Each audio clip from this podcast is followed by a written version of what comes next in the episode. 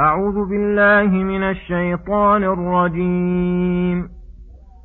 وما لكم لا تقاتلون في سبيل الله والمستضعفين من الرجال والنساء والولدان الذين يقولون ربنا والنساء والولدان الذين يقولون ربنا أخرجنا من هذه القرية الظالم أهلها واجعل لنا من لدنك وليا واجعل لنا من لدنك نصيرا الذين آمنوا يقاتلون في سبيل الله والذين كفروا يقاتلون في سبيل الطاغوت فقاتلوا أولياء الشيطان. إن كيد الشيطان كان ضعيفاً. ألم تر إلى الذين قيل لهم كفوا أيديكم وأقيموا الصلاة وآتوا الزكاة فلما كتب عليهم القتال فلما كتب عليهم القتال إذا فريق منهم يخشون الناس كخشية الله أو أشد خشية وقالوا ربنا لم كتبت علينا القتال لولا أخرتنا إلى أجل قريب. قل متاع الدنيا قليل والآخرة خير لمن اتقى ولا تظلمون فتيلا. بسم الله الرحمن الرحيم. السلام عليكم ورحمة الله وبركاته.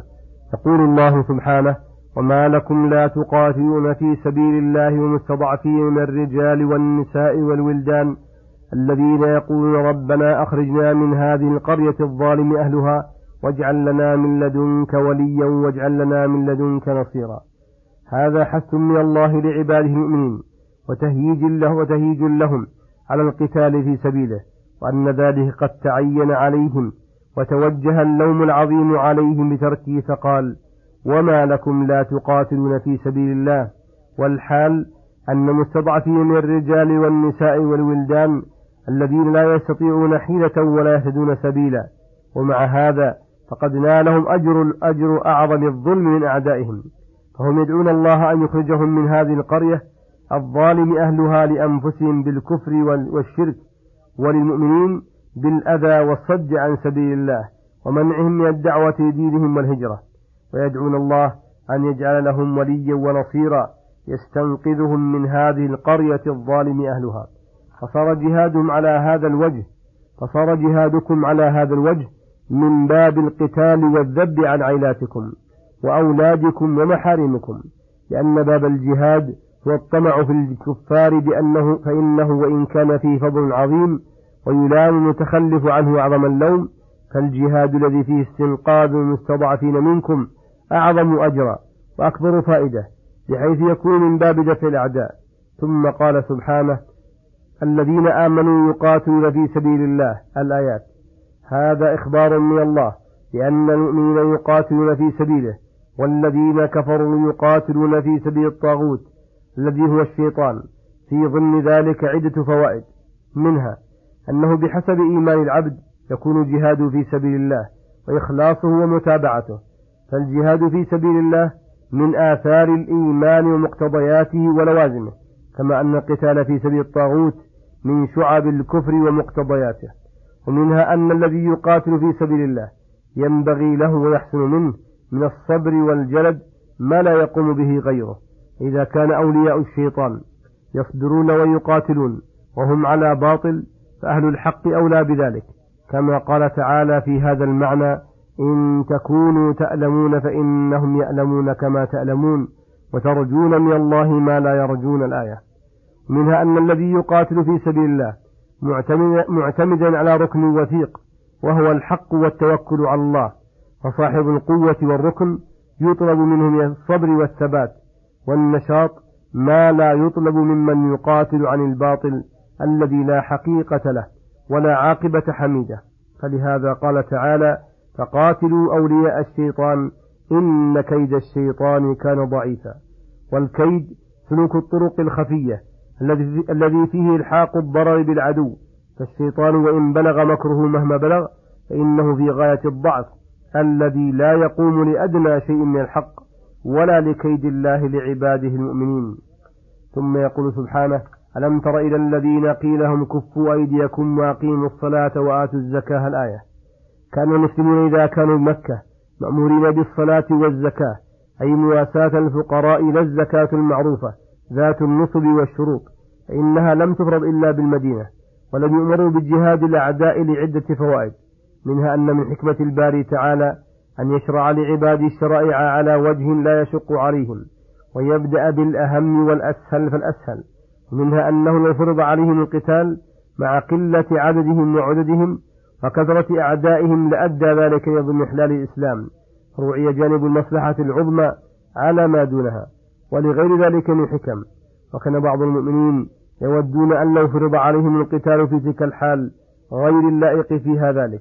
إنما اللائق فيها القيام بما أمروا به في ذلك الوقت من التوحيد والصلاة والزكاة ونحو ذلك.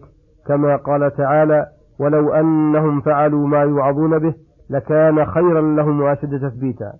فلما هاجروا إلى المدينة فقوي الإسلام كتب عليهم القتال في وقته المناسب لذلك.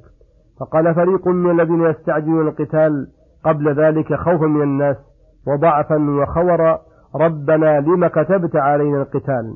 وفي هذا تضجرهم واعتراضهم على الله. وكان الذي ينبغي لهم ضد هذه الحال التسليم لأمر الله والصبر على أوامره. فعكسوا الأمر المطلوب منهم فقالوا لولا أخرتنا إلى أجل قريب. أي هل أخرت فرص أي, أي هل أخرت أي هل أخرت فرض القتال مدة مدة متأخرة عن الوقت الحاضر؟ وهذه الحال كثيرا ما تعرض تعرض لمن هو غير رزين. وهذه الحال كثيرا ما تعرض لمن هو غير رزين. واستعجل في الأمور قبل وقتها فالغالب عليه أنه لا يصبر عليها وقت حلولها ولا ينوء بحملها بل يكون قليل الصبر ثم إن الله وعظهم فيها عن هذه الحال التي فيها التخلف عن القتال فقال قل متاع الدنيا قليل والآخرة خير لمن اتقى. أي التمتع بلذات الدنيا وراحتها قليل فتحمل الأثقال فتحمل الأثقال في, طاعة الله. وفي المدة القصيرة مما يسهل على النفوس ويخف, ويخف عليها لأنها إذا علمت أن المشقة التي تنالها لا يطول لبثها هان عليها ذلك. فكيف إذا وازنت بين الدنيا والآخرة؟ وأن الآخرة خير منها في ذاتها ولذاتها وزمانها. فذاتها كما ذكر النبي صلى الله عليه وسلم في الحديث الثابت عنه أن موضع صوت في الجنة خير من الدنيا وما فيها. ولذاتها صافية عن المكدرات بل كل ما خطر بالبال أو دار في الفكر من تصور لذة فلذة الجنة فوق ذلك كما قال تعالى فلا تعلم نفس ما أخفي لهم من قرة أعين. وقال الله على لسان نبيه عددت لعبادي الصالحين ما لا عين رأت ولا أذن سمعت ولا خطر على قلب بشر.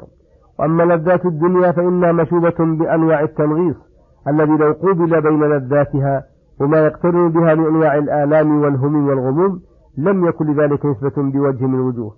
وأما زمانها فإن الدنيا منقضية وعمر الإنسان بالنسبة الدنيا شيء يسير. وأما الآخرة فإنها دائمة النعيم وأهلها خالدون فيها. فإذا فكر العاقل في هاتين الدارين وتصور حقيقتهما حق التصور عرف ما هو حق بالإيثار والسعي له واجتهاد طلبه. ولهذا قال والآخرة خير لمن اتقى اتقى الشرك وسائر المحرمات. ولا تظلمون فتيلا. أي فسعيكم للدار الآخرة؟ ستجدونه كاملا موفرا غير منقوص منه شيئا. وصلى الله وسلم على نبينا محمد وعلى آله وصحبه أجمعين. وإلى الحلقة القادمة غدا إن شاء الله. والسلام عليكم ورحمة الله وبركاته.